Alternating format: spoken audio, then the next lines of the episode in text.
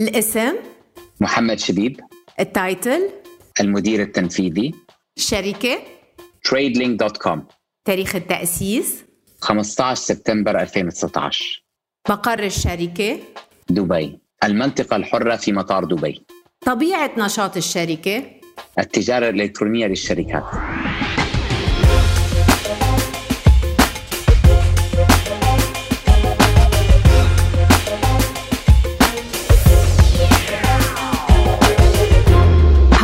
أنا زينة صوفان بالموسم الثاني من بودكاست أول مليون. موسم الكورونا اللي شقلب حياة الشركات الناشئة وبطأ أو سرع رحلتها بعالم المال. مليون بعد مليون. محمد مبروك إطلاق منصة تريد لينك لمعاملات الشركات. هل أنتم علي بابا المنطقة؟ طبعا علي بابا تركيز علي بابا على الشركات الصينية على الموردين الصينيين لياخذوهم للعالم يعني. نحن آه، تركيزنا عالمي أكثر فعنا الصين عنا طبعا الهند عنا أوروبا عنا أفريقيا عنا شمال أمريكا. فطبعا التجاره بين الشركات مش من الشركات للعميل الأخير.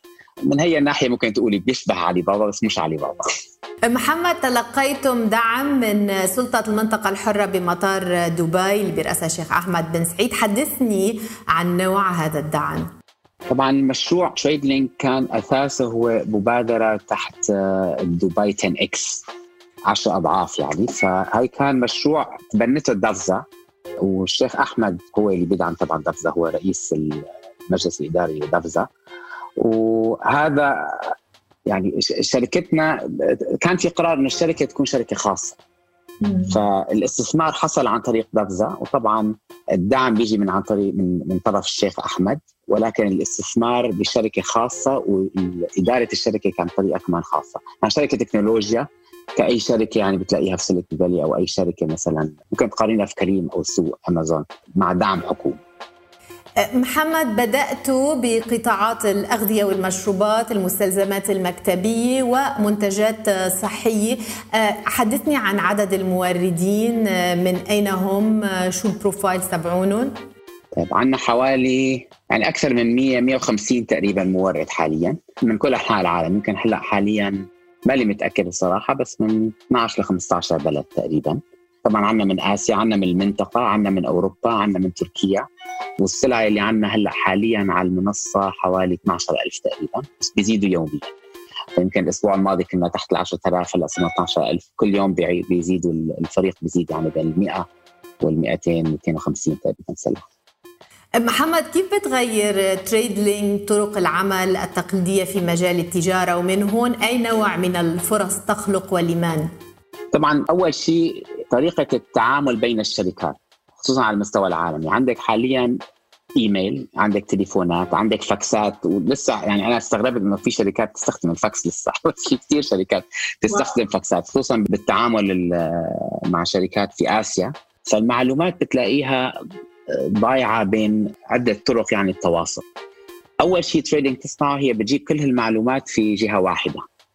فالتعامل بين الشركة الموردة والشركة اللي تشتري في الشرق الأوسط بيكون أسهل جدا. وكل المعلومات موجودة لأي واحد يتعامل في الشراء.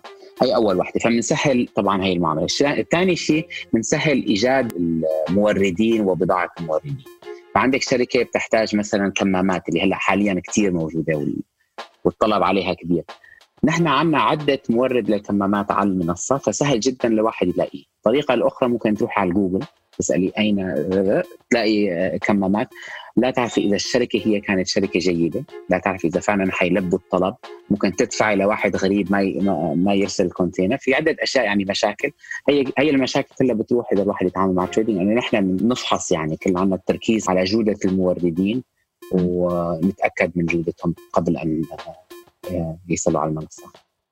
محمد ما الذي سيأتي تاليا بالنسبة لكم آه، توسيع القطاعات أم التوسع جغرافيا بالمنطقة؟ هو بصراحه نحن كنا مركزين على قطاعين فقط والأزمة الحالية هي اللي خلتنا نركز يعني على اللي نسميه health and wellness لأنه في طلب كثير عليها. لآخر السنة تقريبا بدنا نحط قطاع آخر يعني قطاع إضافي آه ونطلع على عدة آه قطاعات يعني من البناء لل fashion الموضة يعني ال fashion items وكله طبعا تجارة بين الشركات مش تجارة للعميل الاخير. الشغلة الثانية اللي بنشوفها هي التوسع على للسعوديه، المملكة العربية السعودية هي مهمه لنا جدا، طبعا سوق الكويت كمان مهم. فهي الشغلة يعني على حسب الأزمة كمان بصراحة بس خلال آخر السنة حاول بنحاول يعني ندخل هذول البلد. حدثني عن التمويل محمد هل من جهات مهتمة بتمويل خططكم المقبلة؟ بعد ما أطلقنا الموقع بصراحة إجانا عدة طلبات من الصين ومن المنطقة في تركيز على هذا المجال بالذات. يعني ال e-commerce العادي المنصات التسوق العادية مثل امازون ونون خلص صار في عليها تركيز كثير يمكن هذا القطار مثل ما بيقولوا سافر.